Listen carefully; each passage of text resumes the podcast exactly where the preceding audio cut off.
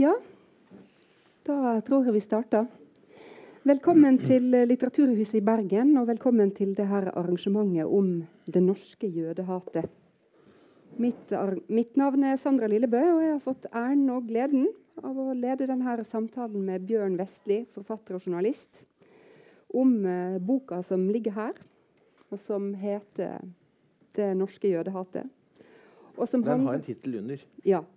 'Propaganda og presse under okkupasjonen'. Og den handler da om den norske pressen og propaganda under eh, åra med tysk okkupasjon under andre verdenskrig.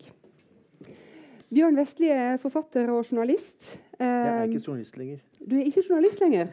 Det er mange år siden. Det er mange år siden, Men det, det, ja, det er jo for så vidt et definisjonsspørsmål. fordi jeg vil jo si at det er et uh, godt stykke journalistisk arbeid som ligger bak uh, den boka her. Nei, det er etterforskning. Det er etterforskning, akkurat. Greit. du er i hvert fall forfatter av en lang rekke med bøker. Det er. Mange av dem om andre verdenskrig. For mange vestlig særlig kjent for boka som heter 'Farskrig', som kom i 2008, og som du fikk Brageprisen for. Velkommen, Bjørn Vestli. Um,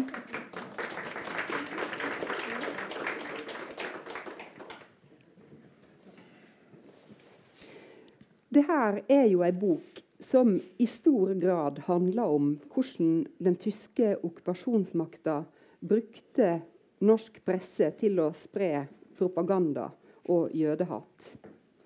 Men i tittelen jeg har lyst til å begynne å spørre deg om det. Fordi i den tittelen, 'Det norske jødehatet', ligger det en påstand om at det også fantes et spesifikt norsk jødehat, som ikke nødvendigvis var avhengig av tyske pådrivere. Nei, det er helt riktig oppfattet.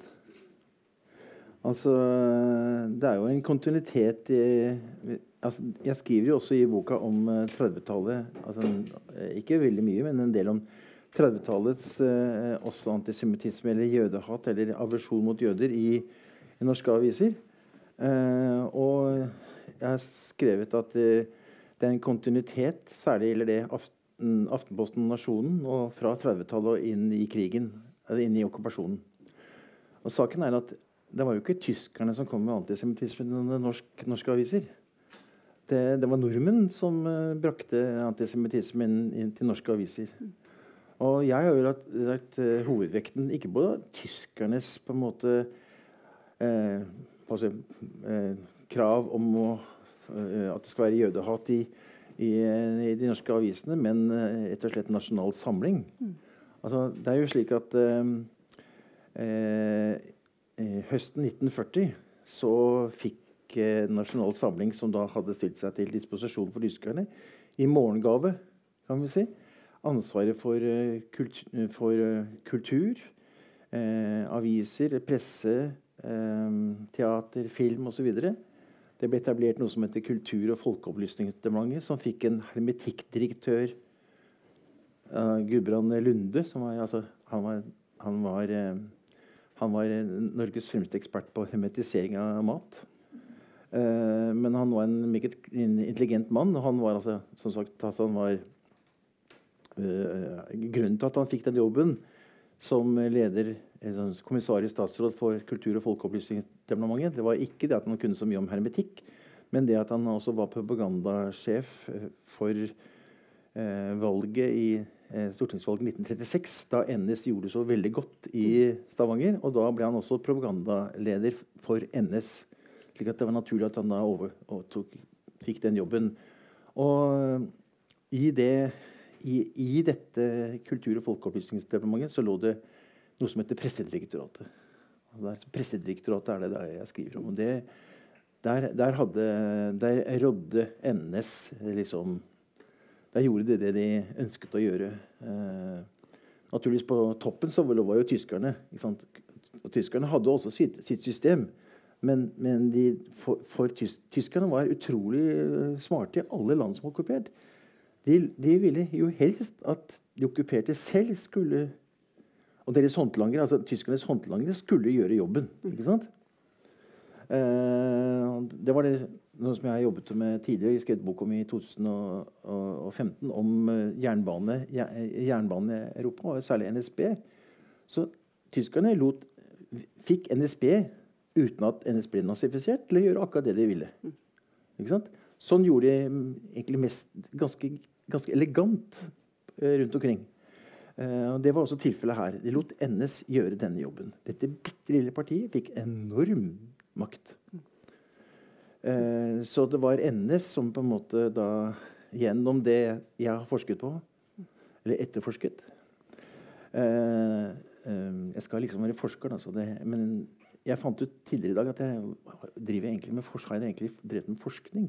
Jeg har hatt etterforskning når jeg var journalist, drev jeg med etterforskning. Og så jeg har jo fortsatt det etter at jeg sluttet som journalist og ble, tok doktorgrad i historie. har jeg gjort og mye sånt, så, så, jeg har liksom blitt, liksom, blitt forsker. da. Uh, men jeg, egentlig er jeg en etterforsker, og det er det jeg fortsatt med videre etter at jeg sluttet som journalist og ble akademiker. Så jeg, det jeg har etterforsket, er noe som heter Norsk artikkeltjeneste, som Nasjonal Samling startet i januar 1941. Og disse artiklene som de sendte til avisene med påbud på at skulle tas, inn, er det jeg har sett på når det gjelder antisemittisme. Vi skal komme tilbake igjen til de strukturene i jeg si, den nazistiske, nasjonalsosialistiske kulturpolitikken som ble ført i Norge under andre verdenskrig. Um, men jeg eh, tenkte at, uh, at, jeg hadde også lyst til å, til å litt sånn innledningsvis uh, at du skulle snakke litt om hvorfor nettopp dette her pressespørsmålet begynte å oppta det. fordi som veldig mange her eh, vet, så er jo eh, krigshistorie eh, og eh, ekstremismeforskning, eller etterforskning, er et tema som har opptatt det på, på ulikt vis eh, gjennom en lang rekke bøker. Um, og hvordan kom du til at pressens rolle under andre verdenskrig var et viktig tema for deg å behandle? Uh, ok. Altså i, Da jeg fikk Brageprisen i 2008, og jeg jobbet i Dagens Næringsliv, så skjønte jeg at jeg må gjøre noe annet i livet enn å være journalist. Ikke det at jeg er journalist og er dårlig, på noen måte, men jeg hadde gjort det lenge nok. Så da tok jeg en eh, master i historie. Og da skrev jeg om norske krigskorrespondenter på tysk side under annen verdenskrig. Som senere ble en bok som kom i 2002, som heter 'Hitlers norske budbringere'. I 2002 så sa jeg opp jobben min i Dagens Næringsliv, og så ble jeg ansatt på det som da het Høgskolen i Oslo og Akershus. Og da skal jeg være medieforsker, liksom. Uh, og undervise Førstelektor ble jeg da. Uh, og da. Og da tenkte jeg ja, ja, men nå skal jeg jo jobbe der. Da må jeg liksom bli medie, medier, medieforsker. Da. Medieetterforsker. Ja. Så da, da, hadde jeg jo allerede liksom sett på der, disse krigskorrespondentene og hvor forferdelige tekster de var. Jeg skriver litt om dem i mm. boka her også. Eh, og så da, eh, da, tenkte jeg ja, ja, nå skal jeg gjøre som de andre driver med her. De driver jo med presse. Eh, og forsker på det. De forsket, jeg etterforsket. Og, så, og da var jeg hadde lest i mediehistoriske fremstillinger om annen verdenskrig. Henrik Bastiansen, Hans Erik Dahl og min gode venn Rune Ottosen, som har vært med og skrevet også. Eh, og da, et, en, av disse en, av disse bøkene så, så jeg noe som heter NAT. Norsk artikkeltjeneste. Men så var ingen som, eh, det sto at det var Nasjonal Samlings pressebyrå. Men det ikke, sto ingenting om hva som sto i de artiklene. Så da tenkte jeg at da må jeg jo finne ut hva som eh, Eh, hva, som, eh, hva, som, hva, disse Norsk artikkeltjenestes artikler skrev. Mm. Ettersom de var fra Nasjonal Samling, kunne det være kanskje et, en, en, interessant inngang til å forstå mer av, av, Nasjonal Samling. Så da dro jeg opp på Riksarkivet. Det hadde jeg holdt på med i mange år. når jeg drev og etterforsket. Så da viste det seg at de fant da en som het Kåre Olsen, som var arkivar der. Han, han sa ja, Pressedirektoratets arkiv er jo ikke, er jo ikke sortert. Så da begynte han å sortere Pressedirektoratets arkiv, og da dukket det Norsk artikkeltjenestes artikler opp eh, i forskjellige steder. Og dette har jeg jobba med med Sina i mange år. egentlig Der jeg begynte å samle, gå igjen med disse artiklene. 1500 har jeg gått gjennom. Av disse plukker jeg da, ca. 100 stykker som jeg da har som har de mest antisemittiske. Så det hadde jeg liksom gjort ferdig. Og så, men så var det mye annet jeg skulle gjøre. eh, mye andre ting jeg skulle etterforske. NSB og sånt. Og nesten skulle jeg jobbe og alt sånne ting. Og, men så i da i, Jeg liksom begynte å, å, jobbe litt med det, men i 2007, to, nei, 2017-2018 så så jeg en endring på en måte i diskursen. Den, den offentlige diskursen. og det, hat, det, Jeg hadde litt om at Trump kom, det var mye mer hatretorikk. Jeg så mye mer eh, altså etter Utviklingen i sosiale medier spesielt. Ikke sant? Altså, sosiale medier eh, har jo på en måte gjort at ting kommet mye mer opp. Ikke sant? Og så tenkte jeg da eh, at nå er det på tide å bruke dette stoffet. Mm. Eh, så det er egentlig begrunnelsen. Mm. Og Norsk artikkeltjeneste var det ikke forska noe på Ingenting. tidligere? Ingen verdens. Ikke noe. Helt ukjent. Og det hører også med at eh, det er jo at eh, Mange har jo skrevet om propaganda og sensur under krigen. Men antisemittismen i norske, norske aviser har de ikke skrevet om under krigen. Altså antisemittiske artikler. Det har ikke vært nevnt. I, hvis man går gjennom uh, den, uh, også det siste tredje opplaget av Henrik Bastiansen og Hans, Christian, uh, Hans Fredrik Dahls bok mediehistorie som brukes på Universitetet i Bergen og brukes på alle universitetene. Slå opp bak i boka på titler på registeret. Se etter antisemittisme. Nada. Ingenting. Og eh, som det, altså Jeg har jo vært opptatt av dette med antisemittisme og jødehat eh, av personlige årsaker veldig mange år. Så jeg er jo kan ikke si at jeg er glødende opptatt av det, men altså det, det, det, interesserer meg veldig. Fordi hvordan i, i all verden er slikt oppstår i et lite land hvor det var en så liten jødisk minoritet. Og hvordan kunne noen finne på å gjøre som de gjorde med jødene? Det har liksom, liksom, vært den store gåten i, i hele mitt uh, store deler av mitt liv. Uh, sånn at, så, så, så, det var litt naturlig for meg da, å bry meg om Norsk artikkelkunst. Ja var det et veldig langt svar? Eh, nei, var det, det, var et, var det et utfyllende svar? Eh, men det, egentlig, det var et veldig godt svar. Eh, men jeg synes jo, gitt temaet, så syns jeg også det var et ganske kort svar. Så vi, vi, vi eh, okay. skal komme tilbake igjen til eh, skal, Jeg har også gjerne lyst til å snakke av og til. Yeah. Så eh, skal, vi skal komme tilbake igjen til, til de tinga litt etter hvert. Nå har jeg lyst til at vi skal skru tida litt tilbake, eller egentlig ganske langt tilbake, til tida før krigsutbruddet, altså før krigstida, 1930-tallets Norge. Um, hvis man da ser på den norske pressen, um, hva slags eh, holdninger råder da i pressen til den utviklinga som var på uh, kontinentet? Hitler hadde kommet til makta. Uh, vi vet at overgrep mot jødene uh, skjedde, og at det var kjent. Hvordan forholdt norske journalister og norske redaktører seg til den utviklinga? Siden vi er i Bergen, så skal jeg gi Bergensavisen Dagen noe positivt å si. Jeg skal si noe positivt om dagen. Altså, dette, jeg, dette, dette, har jeg ikke, ikke etterforsket. Men jeg har lest en bok av Dag Kuldrud som kom eh, litt før den boka mi kom ut i høst. Det er en veldig bra bok. Og den skriver eh, veldig positivt om eh, nemlig at det var én person i Dagen som var den som allerede fra 1930 skrev artikler i Dagen om Hitler. Veldig, veldig kritisk. Eh, sånn, dagen viste seg å skille seg eh, ut. Det var som jeg husker han, hans, hans, signatur var Ragg. Jeg husker nå ikke, naturligvis ikke hva, hva, han egentlig het, men eh, han døde dessverre i 1939. Men han holdt også dagen uh, skilte seg ut. Uh, det, det, altså jeg kom fram til dagen, og så er det Ragnar og Vold i Dagbladet. Som visst artikkel også sto i Bergens Tidende i stor grad.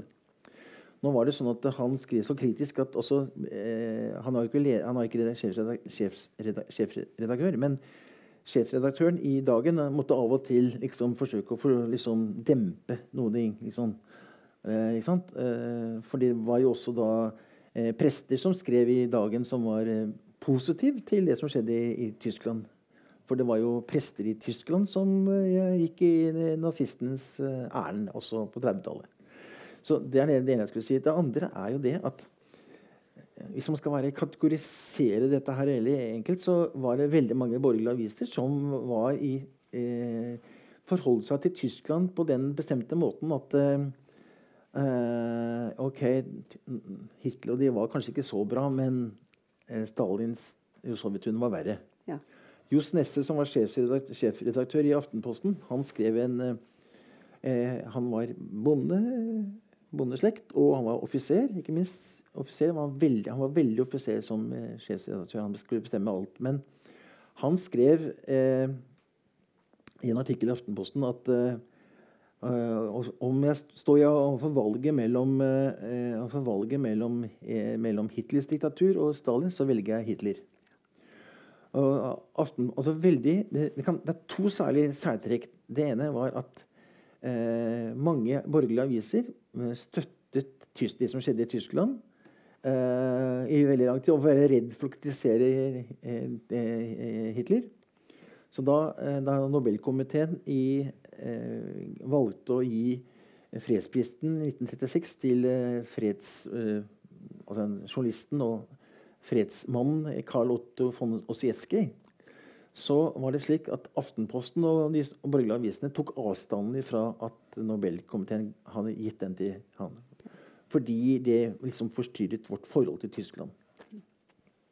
Og og når man ser på Aftenposten særlig, det er veldig interessant å følge Aftenposten, det, det er at da, da, Østerrike ble okkupert, eller anslås, i 1938, og Tsjekkoslovakia ble mer eller mindre oppløst, og Tyskland overtok også det tidligere Tsjekkoslovakia, så var det mange som, eh, jøder som ville prøve å flykte. ikke sant? Ruth Maier er en av de som rømte fra, fra Østerrike. Ja, Du må minne oss om hvem Ruth Maier var. Ja, Ruth ja. Maier var en kvinne som kom til Norge uh, som flyktning, og som uh, usedvanlig begavet uh, dame som uh, også skrev masse på norsk. Hun lærte seg norsk sånn som. Og Jan Erik Vold har gitt ut hennes, hennes skrifter. Hun blir da senere, hun ble venninne med Gunvor Hofmo. Og ble da sendt til Auschwitz til slutt. Hennes historie er jo en lang historie også. Men, men poenget var at det, det, var også slik at uh, Gjennom uh, Internasjonal legeforeningen så var det mange jødiske leger som ville komme fra både Østerrike og fra, særlig fra Tsjekkoslovakia. Uh, og da Eh, da var, det, da var, det, slik at Aftenposten tok hardt avstand. De borgerlige avisene tok avstand, ville ikke at ti jødiske leger skulle komme til Norge. Eh, fordi?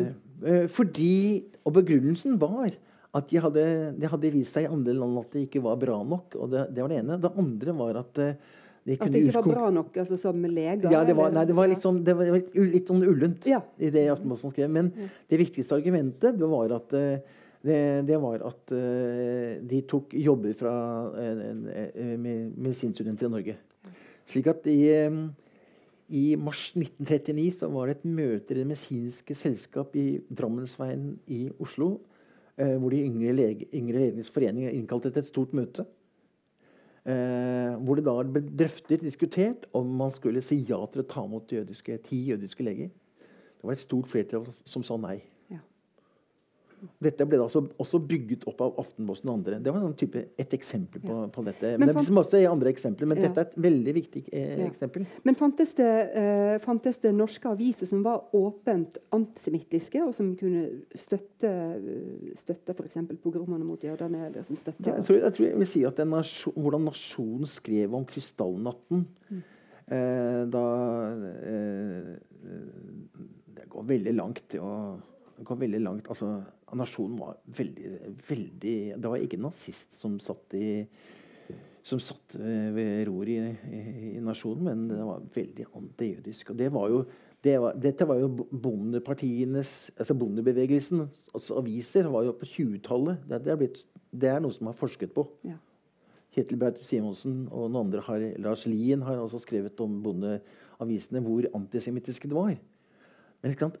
Hvor går grensen, liksom? Altså, hva, er, hva, er ren, hva kan si er rent jødehat, og hva er liksom motstand mot? Og, altså, det, det, går jo noen grenser der, men det, det et, på et visst punkt så liksom er det tydelig at det er liksom jøder som sådan. ikke sant?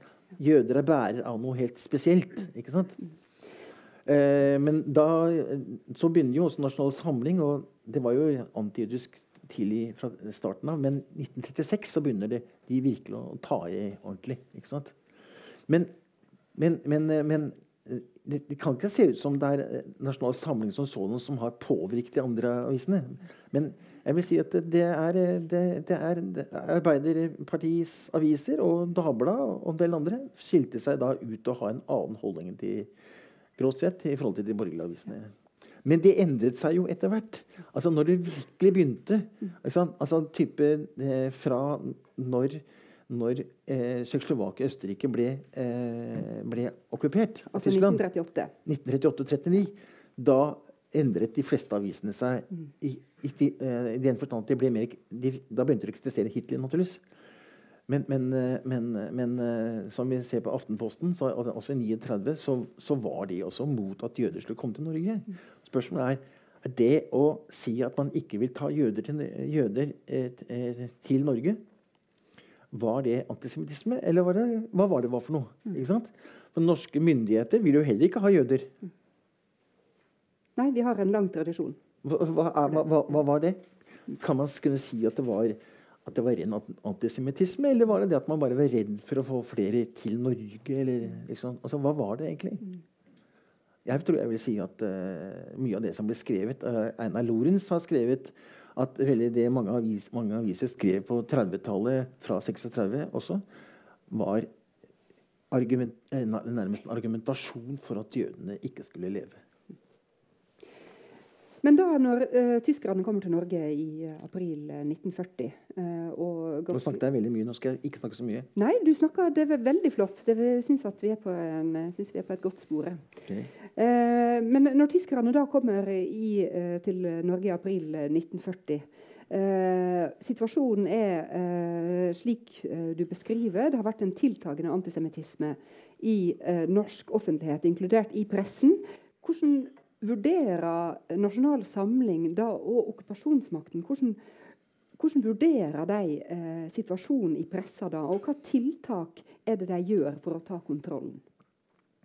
For å si det veldig enkelt, så var det naturligvis det at det, første, det første som skjedde, var at tyskerne skulle ha kontroll på det, det militære. Altså, det var militær sensur, naturligvis. ikke sant?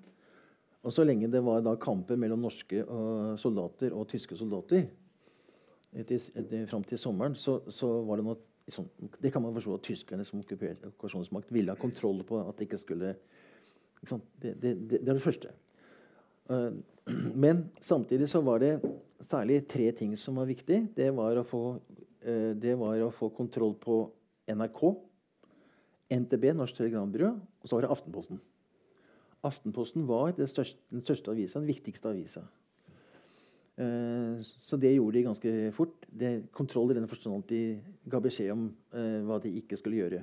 Uh, og, og, Nasjonal Samling fikk også kontroll i løpet av sommeren, høsten, kontroll på en norsk telegrambyrå. Der fikk de jo beskjed om at for, for, for, å kunne jobbe i NTB, så måtte du være medlem av NS. Og da de som var der, meldte seg inn i NS. Det gjorde de fleste. Ja, ja. gjorde de. Uh, I NRK så fikk de jo da også kontroll, og mye av det samme skjedde der. Det var veldig veldig viktig. Nå kan du si at det uh, Ganske umiddelbart så fikk uh, jøder i Norge inndratt sine radioene. Det var det første. Men i, i, uh, 1941, så, våren 1941 så ble alle som ikke var NS-ere, måtte også levere inn radioene. Så radioene ble etter hvert da ikke noe propagandakanal, eh, propagandakanal for NS overfor det norske folk. Men det var avisene. Mm. Så avisene ble den viktigste propagandakanalen for Nasjonal Samling, for tyskerne, og også for antisemittisme og annen nazistisk påvirkning. Mm. Det er tema. Mm. 114 aviser fortsatte under hele krigen. Aviser som ikke var eh, nazistiske før krigen, var da det, det viktigste kanalen for, eh, for, for, for det regimet som da var. Derfor er avisene så ekstremt viktig. Og derfor er innholdet i avisene så ekstremt viktig. Og jeg har bare gjort et utdrag. Ja. Det er mye mer å gjøre. Mye mer å både forske og etterforske på. Mm. Men du oppgir et tall på 114 aviser. Hvor mange, eh, hvor mange aviser var det som eh, ble forbudt eller ble lagt ned i løpet av den første krigs... Eh, det, har full, det, har jeg ikke full oversikt over, men Nei. det ble jo ganske mange. Ja. Men det var mange årsaker til at avisene, eh, til at avisene ble borte. Mm. Det ene var at eh, av politiske årsaker Arbeiderpartiet, Veldig mange Arbeiderparti-aviser ble jo lagt ned. Noen ble drevet videre og fikk inn, eh, fikk inn NS-ere som enten ble hentet opp fra redaksjonen eller hentet utenfra. Rolf Jacobsen, kjente dikteren, jo, ble jo NS-er og ble redaktør i, i Glåmdalen, var det vel. Og, og ellers så senere så ble det det at det var papirrasjonering. Det var ikke nok avispapir, så mange aviser ble lagt ned, og noen ble slått sammen. Ganske mange ble slått sammen. Sånn at, eh, men jeg, jeg har ikke her i hodet mitt nå. Da jeg, kan jeg slå opp Ja, der? ja. Men det, det gidder jeg ikke. Men altså, poenget er at det er 114 aviser som ved krigens slutt eh, på en måte hadde vært drevet hele tiden. Disse avisene tjente veldig masse penger. For det var 400 000 tyskere i Norge. De skulle ha tyske aviser som ble trykket på norske eh, avistrykkerier. ikke sant? Aftenposten tjente grovt på dette. De tjente så mye at de kunne sette av 2,5 millioner kroner i sitt egne, egne pensjonsfond. Og etter krigen så betalte de nesten 100 000 kroner i 1949, var det eller 51. Eh, liksom som en såkalt bot, bortsett fra at den ble ikke kalt bot. da. Den ble hemmeligholdt helt til eh, Guri eh, Hjeltnes skrev om dette i 1990 i en bok om det såkalte om avisoppgjøret. Hva slags organisasjon var Norsk artikkeltjeneste? Norsk artikkeltjeneste de etablerte seg sammen med Pressedirektoratet og Kultur- og folkeopplysningsdepartementet i lokalene til Arbeiderbladet og Arbeiderpartiet i- på Jungestorget. Så Som da var forbudt. Ja, som da var stopp, stoppet. De ble en propagandasentral. Og Norsk artikkeltjeneste var da et element i Pressedirektoratet. Og det var eh, norske tidligere journalister, eller journalister og andre, eh, andre NS-ere som var opptatt av propaganda. De skrev disse artiklene. Eh, i, I arkivet etter eh, Pressedirektoratet og Norsk artikkeltjeneste så kan man sett noen av de, noe av det eh, utgangspunktet for noen av artiklene. Det var særlig danske og svenske naziaviser. Og noen få tyske. Men de fleste, avisene, de fleste artiklene ble skrevet, eh, eh, ble skrevet eh, med utgangspunkt i norske forhold. Hva slags type artikler var det her? Var det nyhetsartikler? Var det kommentarer? Var det eh, Ja. Ja. Altså, det, var, det var sånn at en NTBs leder Paul Glaser, som da ble, ble NS-er, eh, han, eh, han ville at eh, norsk artikkel Da, da, da, det, ble kjent at Vidkun Quisling skulle, ville etablere norsk artikkeltjeneste, eller, så ville han at det skulle være en del av NTB.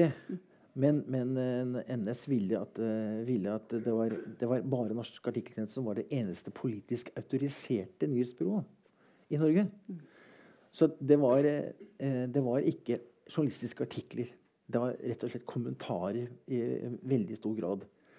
Og senere i løpet av krigen så, disse, så fikk avisene lov til å stryke logoen av NAT. Eh, I boka så har jeg bilder av noen sånne eh, NAT-artikler. For dere som kjøper den boka, selvfølgelig. Kunne se hvordan de ser ut. ja. Og det var et strategisk valg. Det var et bevisst strategisk valg at jeg fikk stryke den. Du det, den så da, og. Aftenposten fikk allerede eh, i 42 lov til å Da begynte de å trykke NAT-artikler uten logo. Ja. Eh, fordi de, opp, de, NAT, NATs ledelse eh, opp, eh, skjønte også at det var eh, andre ville, det var kanskje flere som ville lese artiklene. Altså NAT ble jo startet for at de avisene som i 1941 ikke hadde en nazist i redaksjonen, eller ikke hadde tilpasset seg nok, skulle få en dose av nazistisk propaganda. Det var formålet. Så det var en sjefsredaktør som het Christian Våge, som for øvrig er fra Ytre Sogn. Hvis det er en som er fra Solund i Ytre Sogn.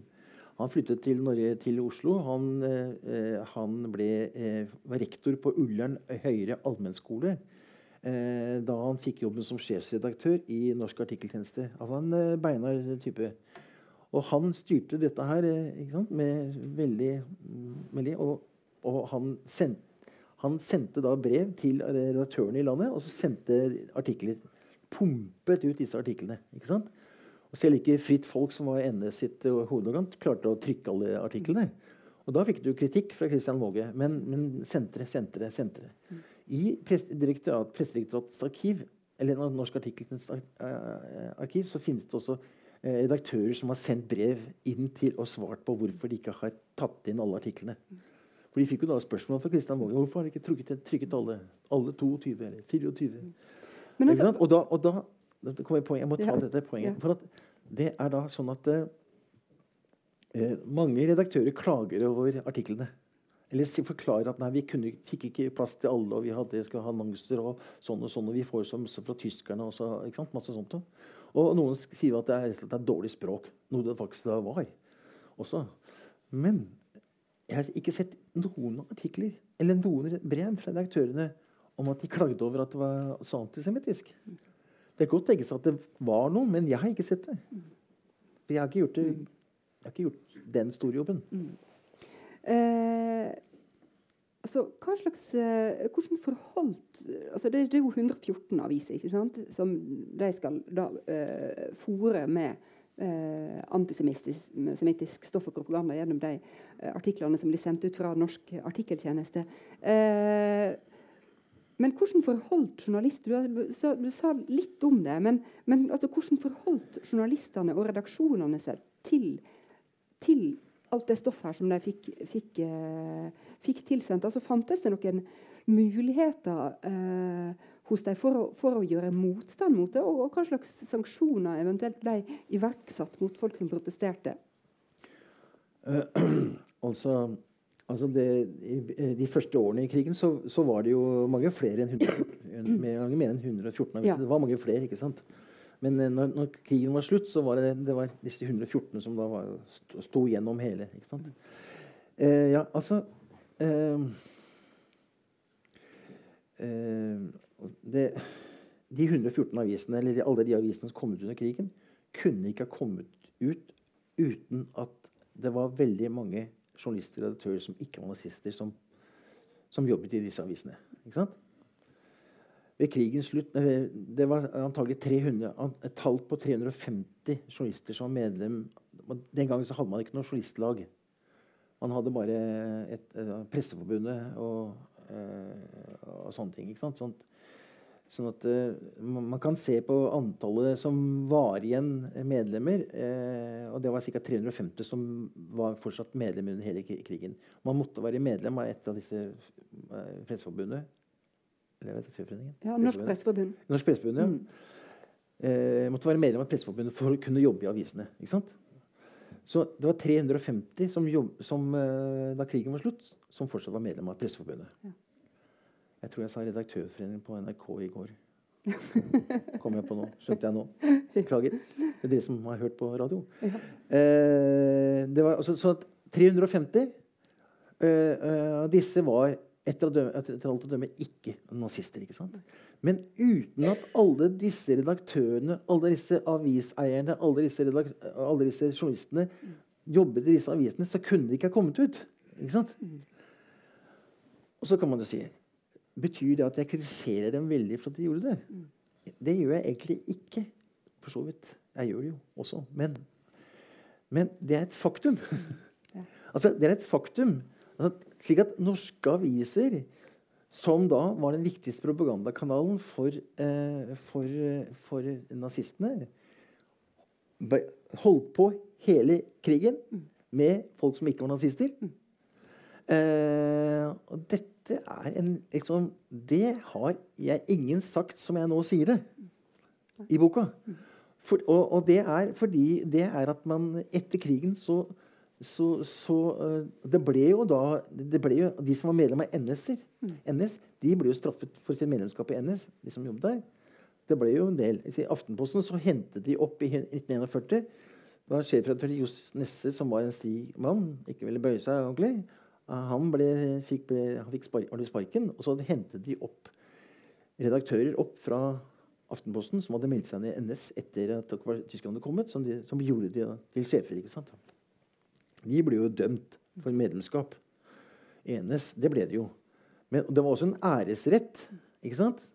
De som ikke hadde oppført seg ordentlig. Men det, den æresretten eh, Det var en god del som, ble, som, fikk, som mistet medlemskapet sitt i Presseforbundet. Men, men, men så, sånne ting sånn, så det, Men det har ikke vært et politisk oppgjør etter krigen om dette.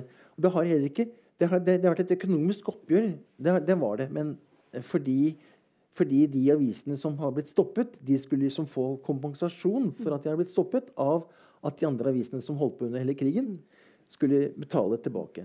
Så det var det. Men med det faktum at de var det de var, disse avisene, det er et viktig, veldig viktig eh, når man ser i ettertid. Eh, når man tenker på at det var et, det var et utrolig dårlig økonomisk landssvikoppgjør etter krigen. Det var enda dårligere, til, ja. enda dårligere for avisene. Ja. Vi skal komme tilbake igjen til, til, oppgjøret. Men jeg har lyst til også til at vi er så vidt inne på det. Du, du skriver også om det i boka di. Eh, altså, hva det er vi vet om hvordan leserne forholdt seg til artiklene fra Norsk artikkeltjeneste til at de avisene som de eh, holdt eh, Plutselig ble eh, ja, Fikk de her artiklene med, med nynazistisk antisemittisk propaganda. Vet vi, noe, vet vi, noe, om hva slags eh, reaksjoner som, som, kom fra den jevne leser på det her? Altså, eh, selv om det ble færre aviser under krigen, mm. så ble opplaget høyere. Aftenposten vokste veldig under krigen. Både i opplag og i utbredelse. Men det var jo ikke det at det, det var jo ikke bare nazistisk propaganda i avisene. Det var også om prisen på kål. Det var masse annonser. En av, en av begrunnelsene som Hans Fredrik Dahl og andre himmelforskere har gitt for at de, at de økte summen, det var jo annonsene. Ikke sant? Og det er helt sikkert en viktig grunn også. Men eh, Nei, altså det første som ble skrevet rett etter krigen, altså da den eh, patriotiske grunnfortellingen om krigen ble etablert, så inn, inngikk også avisen og redaksjonene inn i den patriotiske fortellingen. Det var nazistene, og så var det tyskerne, og så vi andre. Vi gjorde så godt vi kunne. Vi, var, vi klarte oss bra. Og da ble etablert en oppfatning om at propaganda og propagandaen under krigen i avisene ikke virker på nordmenn i hele tatt. Det er det. Men det kan man ikke si. Det er totalt uvitenskapelig av medieforskere å, kunne si at, uh, at, det ikke kunne virke. Det kan man ikke si noe om. Derimot så ble det gjort, som jo ingen har egentlig har brydd seg om denne Norsk Gallup i 1947 gjorde en studie av uh, nordmenns forhold til jøder som eventuelt skulle komme til Norge.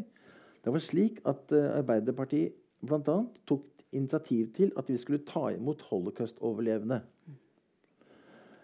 Da var det 27% som ikke ville ta imot jøder. Det er en ganske stor andel. Og En andel av dem også brukte også rasistiske argumenter. Mm. Hans Fredrik Dahl anmeldte denne boka mi i, i, i Dagbladet. Da skrev han at, at, eh, at da, da, da tøysa han med de tallene han sa ikke at det var 27 som, eh, som, eh, som, som, eh, som var imot å ta imot jøder. Det fikk jeg egentlig, kunne ikke, kunne ikke svare på det heller, men det, det, skulle jeg kanskje gjort. Men på poenget gang, 27 det er Norsk gallup. Bjørn Balstad, mannen som liksom den store, altså store meningsmålingens pastor i Norge, han sto bak den. Eh, og jeg vet ikke altså, Var de 27% Var de anti mot jøder? Men det var to litt over to år etter at, et, etter at, etter at Auschwitz-Birkenau ble, ble åpna. Det vaklet noen overlevende ut. Så skulle ikke vi ta imot noen. Ikke sant? Det var snakk om 600 stykker. Eh, det, det, kom jo riktignok eh, til Norge, men de flyttet senere, mange av de flyttet jo senere fra Norge igjen. Da. Men, men, men, men, men, ikke sant? Sånn at ja, Hadde avisen noe skyld var, var, det avisene sin skyld at disse 27% sa nei? Jeg vet ikke. Men jeg, vil, jeg, vil, jeg har sagt det at jeg vil anta altså, Det viktigste med den antisemittismen i disse avisene er at fram til oktober 1942 så bodde det norske jøder i Norge som også lista aviser. Det som sto i da, de avisene fra, eh, fra, fra, 1940 Det begynte allerede eh, høsten 1940 med antisemittisk press. Det ble gjort en studie av, av hva eh, avisene skrev om jøder fra 1930 til 1940. 25% av alle de artiklene var negative til jøder. Men det var jøder som bodde i Norge, som leste disse artiklene. Hvem tenkte på dem? Det, nå er du inne på en av de tingene som jeg synes er det mest urovekkende ved boka. Eh, og det handler om hvordan altså, Parallelt med at jødehatet i spaltene blir mer ekstremt, eh, så blir overgrepene som jødene utsettes for i virkeligheten eh, under krigen, eh, verre. Så. Eh, og Er det rimelig å tolke dette her på noen annen måte enn at den norske offentligheten visst, egentlig visste ganske mye om den jødeutryddelsen mens den fant sted? Mer enn det man har villet eh, innrømme i ettertid? Altså Tiltakene mot jødene de akselererte fra høsten 19, altså, eller fra 1941 særlig, helt fram til eh, november, oktober-november. ikke sant? Mer og mer og mer. Og eh, jeg prøvde også å finne ut om, om, disse, om jødehetsen på en måte økte mer fra 41 og 42. Det har ikke jeg funnet noe helt noe bevis på, men i boka så følger jeg høsten 1942 med noen artikler. Eh, ikke sant? Eh, sånn det, er, det, er, liksom, det, er, en akselerasjon der også i tekstene. Eh, men det er jo også fordi, det er også fordi at eh, tiltakene økte jo også fra unntakstilstanden i Trøndelag i eh, oktober 1940. Mm. Så da ble det liksom trappet opp mm. verre og verre. Ikke sant? Da begynte arrestasjonene. Og depresjonen hadde så vidt begynt, og det begynte, begynner liksom etter hvert. Sånn at det, det henger jo sammen. Altså, mm. De tekstene Det er et visst forhold der, jeg skriver en del om det, men det er et visst forhold mellom tekstene og det, som da faktisk eh, skjer, og hvordan NS også mm. eh, driver propagandaen. Eh, men nå glemte jeg spørsmålet ditt. Ja, Nei, Det var rett og slett om, om dette, det, den parallellen som du trekker mellom den antisemittismen og det jødehatet som blir uttrykt i de artiklene, at de blir verre eh, si, jo lenger man kommer ut i utryddelsen. Altså jo mer ekstremt det presset som jødene blir utsatt for, er. Og at det i seg sjøl eh, er avslørende for at eh, den norske offentligheten må ha visst ganske mye, eller at det må i hvert fall ha vært ganske mange som eh, opererte i den norske offentligheten, som visste mye om hva som skjedde med jødene, både i Norge og lenger sør på kontinentet. Ja, da er vi nettopp i Martin Michelet-debatten snart. Ja. Altså, helt, for meg er det helt åpenbart at hvis, hvis, de, fulg, hvis, hvis de som leste de avisene, og leste hva som sto i Norsk artikkeltjeneste og andre artikler. ikke sant? Mm. Det var ikke bare Norsk artikkeltjeneste som hadde det, ja, negative artikler om uh, jødene. Hvis de samtidig til, Åhå, og nå skjer det med jødene, ja. Nå skjer det med jødene. ikke sant? Uh, så, så, må vi ha truk, trek, trukket bare én konklusjon. Mm. nemlig, jeg, I boka så skriver jeg noe som er interessant. I, i, um, i oktober, uh, i oktober 1942 eh, så er det en artikkel, en norsk artikkeltjenesteartikkel eh, på én side i Haugesund eh, Avis. Og så På samme side er det en NTB-melding om at jødenes, eh, jødenes eiendeler blir, eh, blir, blir, tatt. Så begge de, to, begge de to er på samme side. Og, og jeg skriver i boka om er dette tilfeldig, eller er det, er det liksom bare et sammentreff, eller er det liksom ment sånn? ikke sant? Begge de to tingene står på samme side. Mm. Og de som da leste Haugesunds Avis den gangen, må jo liksom Ha-ha! Mm. Altså, hvis ikke har skjønt noe før. Mm. Ikke sant? Mm. Ja, men Så du er enig i det? At man visste ganske mye mer om Ja, ja, ja, ja altså, Dette har jeg ikke etterforsket. Nei, men det er, helt, det, er helt, det er, helt, logisk at mange må ha forstått hvilken retning dette gikk. Ja. Gitt at de både eh, fikk med seg hvilke tiltak som ble iverksatt, mm. og at, uh, og at og at, disse, at, hvordan disse artiklene var. Mm. Men det som er litt spesielt, det er at etter at liksom Norge ble arifisert, ikke var noen jøder lenger, lenger så fortsatte an, den antijødiske propagandaen. fortsatte jo. Helt fram til nesten slutten på krigen. Ikke sant? Fordi da, da liksom det nasjonale problemet var over, så var det den internasjonale jød jødedommen. ikke sant? Hele veien før dette var det internasjonale jødedommen som også eh, var veldig skrev utrolig artikler om den internasjonale jødedommen og hvor sterk den var. Og, og, og mot de som var jødelakeier, som det het. Sånn at det, det, liksom, den, den, både det norske og det internasjonale liksom ble vevet sammen. ikke sant? Men etter etter 43-44 så blir det mindre om jøder. Ja. Det, det, blir litt mindre om jøder.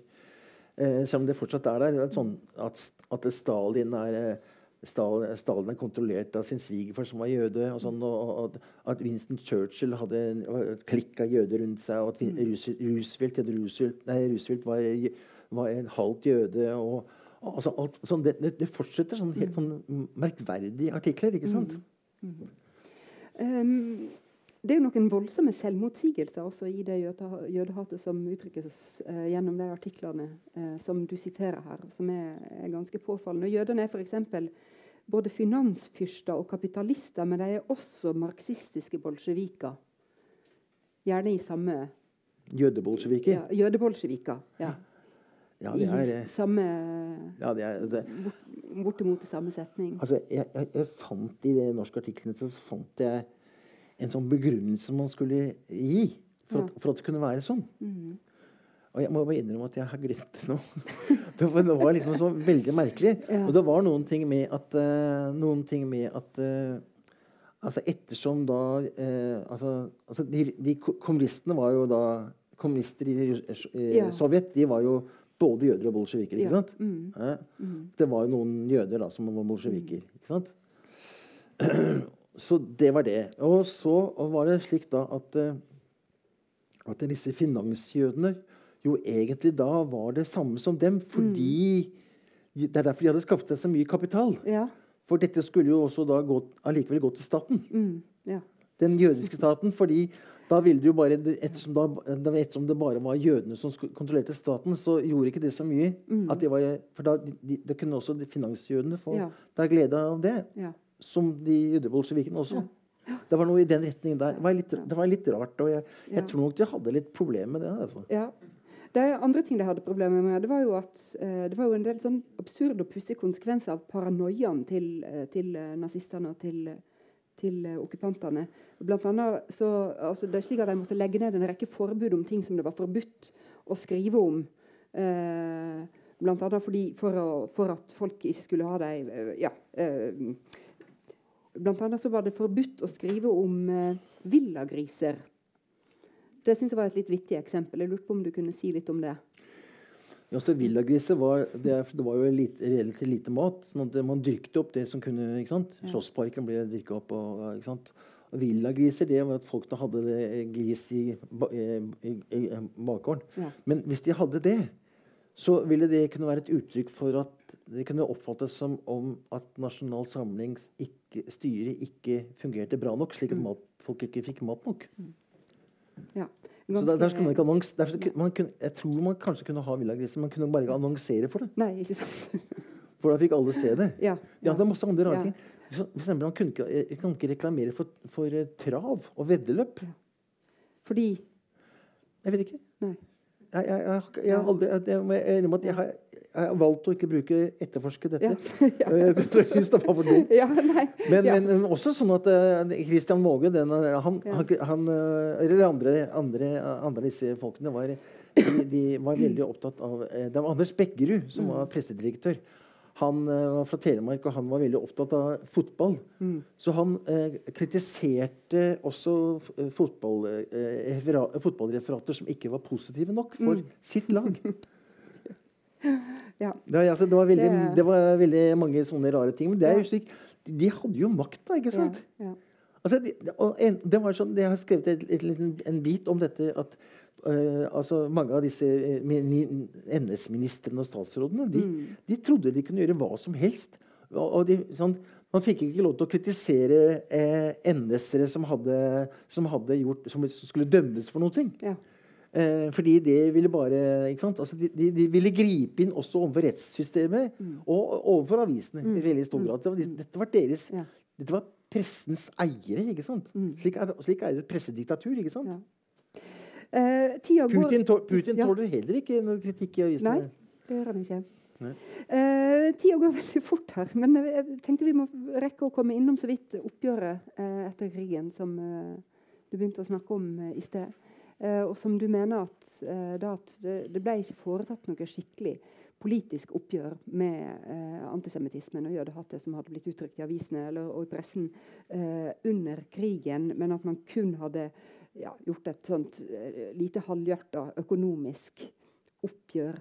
Um, hva slags årsaker har du funnet til at det oppgjøret ikke kunne komme?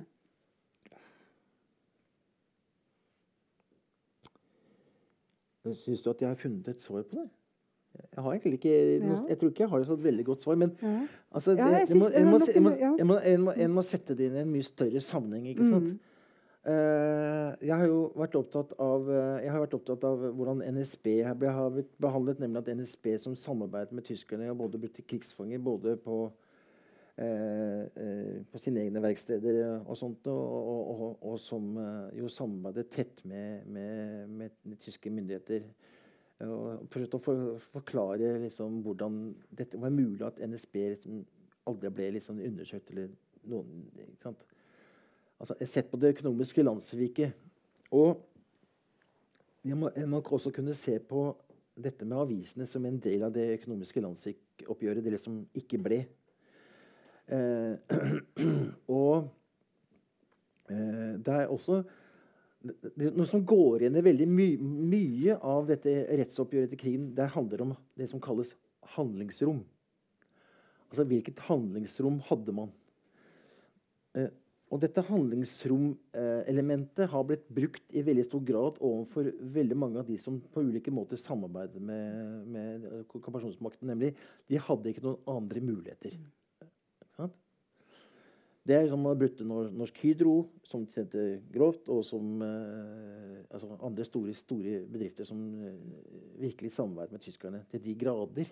Og så slapp unna. ikke sant? De, de hadde ikke noe annet handlingsrom. Det handlingsromelementet ble, måtte, har blitt brukt i veldig stor grad. Eh, det er det samme som gjør at man ikke, at man ikke, ikke har brydd seg om at norske politifolk eh, var med på å fange jøder at eh, drosjesjåfører i Oslo mm. kjørte jøder til utstikket til Oslo havn. Altså videre at eh, norske livsforsikringsselskaper innløste norske jøders livsforsikringspoliser osv. Altså masse, masse, masse. Dette er veldig stor grad. Mm. Og man liksom tok, de, man tok liksom det som man kunne få til. altså Dette økonomiske landsoppgjøret det, liksom, det, liksom, det blir mer og mer borte. Det samme skjedde med, med pressen også. Altså, Pressefolk som var NS-ere, ble tatt. Eh, de som hadde, liksom, hadde, i for stor grad samarbeid med tyskerne, eh, ble tatt av, av, journalister og pressefolk. Eh, redaktører som var NS-ere, ble tatt. og så for medlemskapet sitt. Men ikke for dette vi nå snakker om. Og, eh, og, og, og det er også slik at det, eh, det har noe med at når altså, presten er en del av liksom, kulturlandskapet, på en måte. Og, og kulturlandskapet har jo en, Der tok man jo også noen av toppene. Ikke sant? Man tok noen av toppene. Eh, og, og, man, og man eh, altså, det, det, egentlig, jeg, jeg, tror egentlig vel egentlig det, det faktum at, at avisene i så, så, stor grad gjorde det de gjorde, det ble egentlig litt for stort. Mm. Det ble egentlig litt for stort. Det ble litt for vanskelig. Uh, det gikk for dypt inn i den norske kulturen, egentlig? Det, ja, det, det, det var, var, altså for, om, for omfattende. Mm. Altså, i, eh, dette er en del av det norske okkupasjonssyndromet. Mm. I Frankrike hadde man det som heter Vichy-syndromet. Nemlig det faktum at en del av Frankrike var styrt av franskmenn, mens den andre delen var av tyskerne. Og det var Vichy var hovedstaden i den delen som samarbeidet. Og det faktum at denne delen, den, den som styrte franskmenn, måtte sendte jøder til uh, Auschwitz osv. Det, liksom det, det var en amerikansk historiker som først begynte å skrive om dette. Uh, altså, jeg tar jo ikke lett på dette her. Jeg, jeg, hver, gang, hver, gang, man stiller seg disse, til sånt spørsmål, det er hva ville jeg gjort? Ikke sant? Hva ville jeg gjort? Jeg har fått det spørsmålet mange ganger når det var eh, bebygget eh, flyplasser. og sånt. Jeg hadde fire barn hjemme og en eh, kone som ikke heller jobba. Og jeg var arbeidsløs. Hva hadde jeg gjort? Jo, jeg hadde hatt jobb. Hva skulle disse journalistene gjøre? De journalistene, Det var mange som rømte til Sverige og til London, men alle gjorde ikke det. Men altså selv om dette var, kunne være problematisk etter krigen, og, og liksom rette søkelyset mot det, mm. så det var sikkert fryktelig vanskelig. Mm. Det var mange som ikke gjorde, kanskje, det var mange av dem som, som ikke, sikkert ikke i, i, i, eh, selv skrev noen antisemittiske, antisemittiske artikler. Mm. Men de kanskje skrev om uh, gulrotpriser og sånn. Ja. Men, men, de var der. Mm. Trykkerne var der. Typografene var der. Uh, så kanskje det ble for vanskelig å ta det opp. Ja. Men det er et faktum. Iallfall 75 år etter kan vi snakke om det. Hele det bokprosjektet her eh, viser jo egentlig frem eh, den, det dilemmaet som du beskriver her, som er vanskeligheten med å tenke fritt når man står i en veldig pressa situasjon. Eh, og hva slags blindsone og skylapper man ja, jeg vet ikke, velger eller eh, blir eh, påtvunget. Um, du var inne på det innledningsvis at eh, noe av motivasjonen eh, din for å, eh, din for å, begynne å jobbe med nettopp det spørsmålet her, er at den norske offentligheten, også, eller og verdensoffentligheten forandrer seg. Eh, hva, slags, eh, hva slags blindsone er det du Hvis du skal trekke noen paralleller fremover, altså hva slags eh, blindsone er det vi beveger oss rundt i nå, som gjør det stoffet her relevant, tenker du? Altså Høyesterett skal nå behandle to saker eh, som dreier seg om noe av dette vi snakker om. Det ene er en uh, dame som har uh, karakterisert uh, en somalisk debutant for kakerlakk, tror jeg det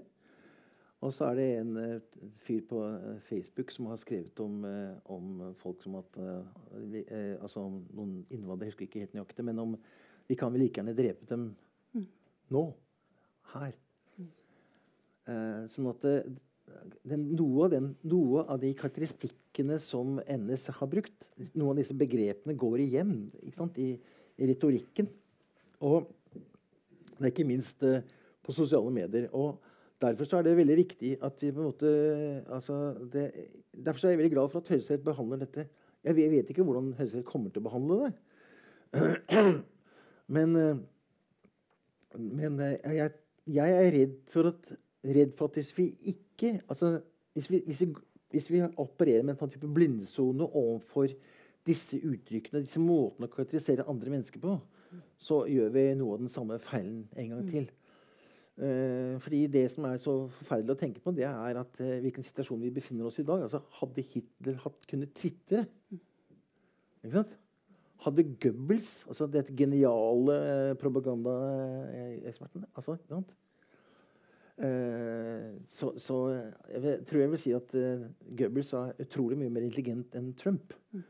Uh, han har sikkert klart å funne på noe enda mer sånn som virkelig går hjem hos de han vil treffe. Mm. Sånn at det, er, det, det, er, altså, det er bakgrunnen for boka. Det, situasjonen er mye mer, mye mer, vanskelig å håndtere nå enn mm. det var før. Og der hører jo også med, altså Det var én person i Nürnberg-prosessen som drev med propaganda, som ble, eh, fikk livstidsdom. ikke sant? Sånn at de, de, prøvde jo å sette en standard der, men den, den, den, den holder jo ikke lenger. Nei. Hvorfor holder ikke den lenger? Nei, Pga. mulighetene som uh, disse geniale digitale løsningene våre ja. har gitt oss. Som, uh, som en kan, vi, vi, ville ikke, vi, ville ikke, For noen år siden kunne forestilt oss at det var sånn det var. Mm at det er sånn det er blitt. Så at de kan, kan kommunisere. Jeg har, vært, jeg har, vært, av Facebook på 14 dager nå pga. maskinen har vært ødelagt. Jeg vet ikke riktig hvordan jeg skal leve. Uh, jeg kan ikke kommunisere med nesten noen jeg, som, jeg ser det kommer sånne meldinger til meg på, som e-post. Som, hvor, hvor, er du?' jeg, jeg, er her. men, men det er jo sånn det er blitt. Altså, se, på, se på ungdommen, eh, små barn i dag. Altså. Hva, språk er det de ikke lærer seg til å kommunisere med til slutt? Jeg tror vi får uh, runde av der. Jeg vil minne om at boka til Bjørn er til salgs her. Uh, det kan godt hende at han til og med har lyst til å signere den hvis noen spør pent. Bjørn, tusen takk for at du kom til Litteraturhuset Bergen. Og tusen takk til alle dere som kom for å høre på. En god kveld.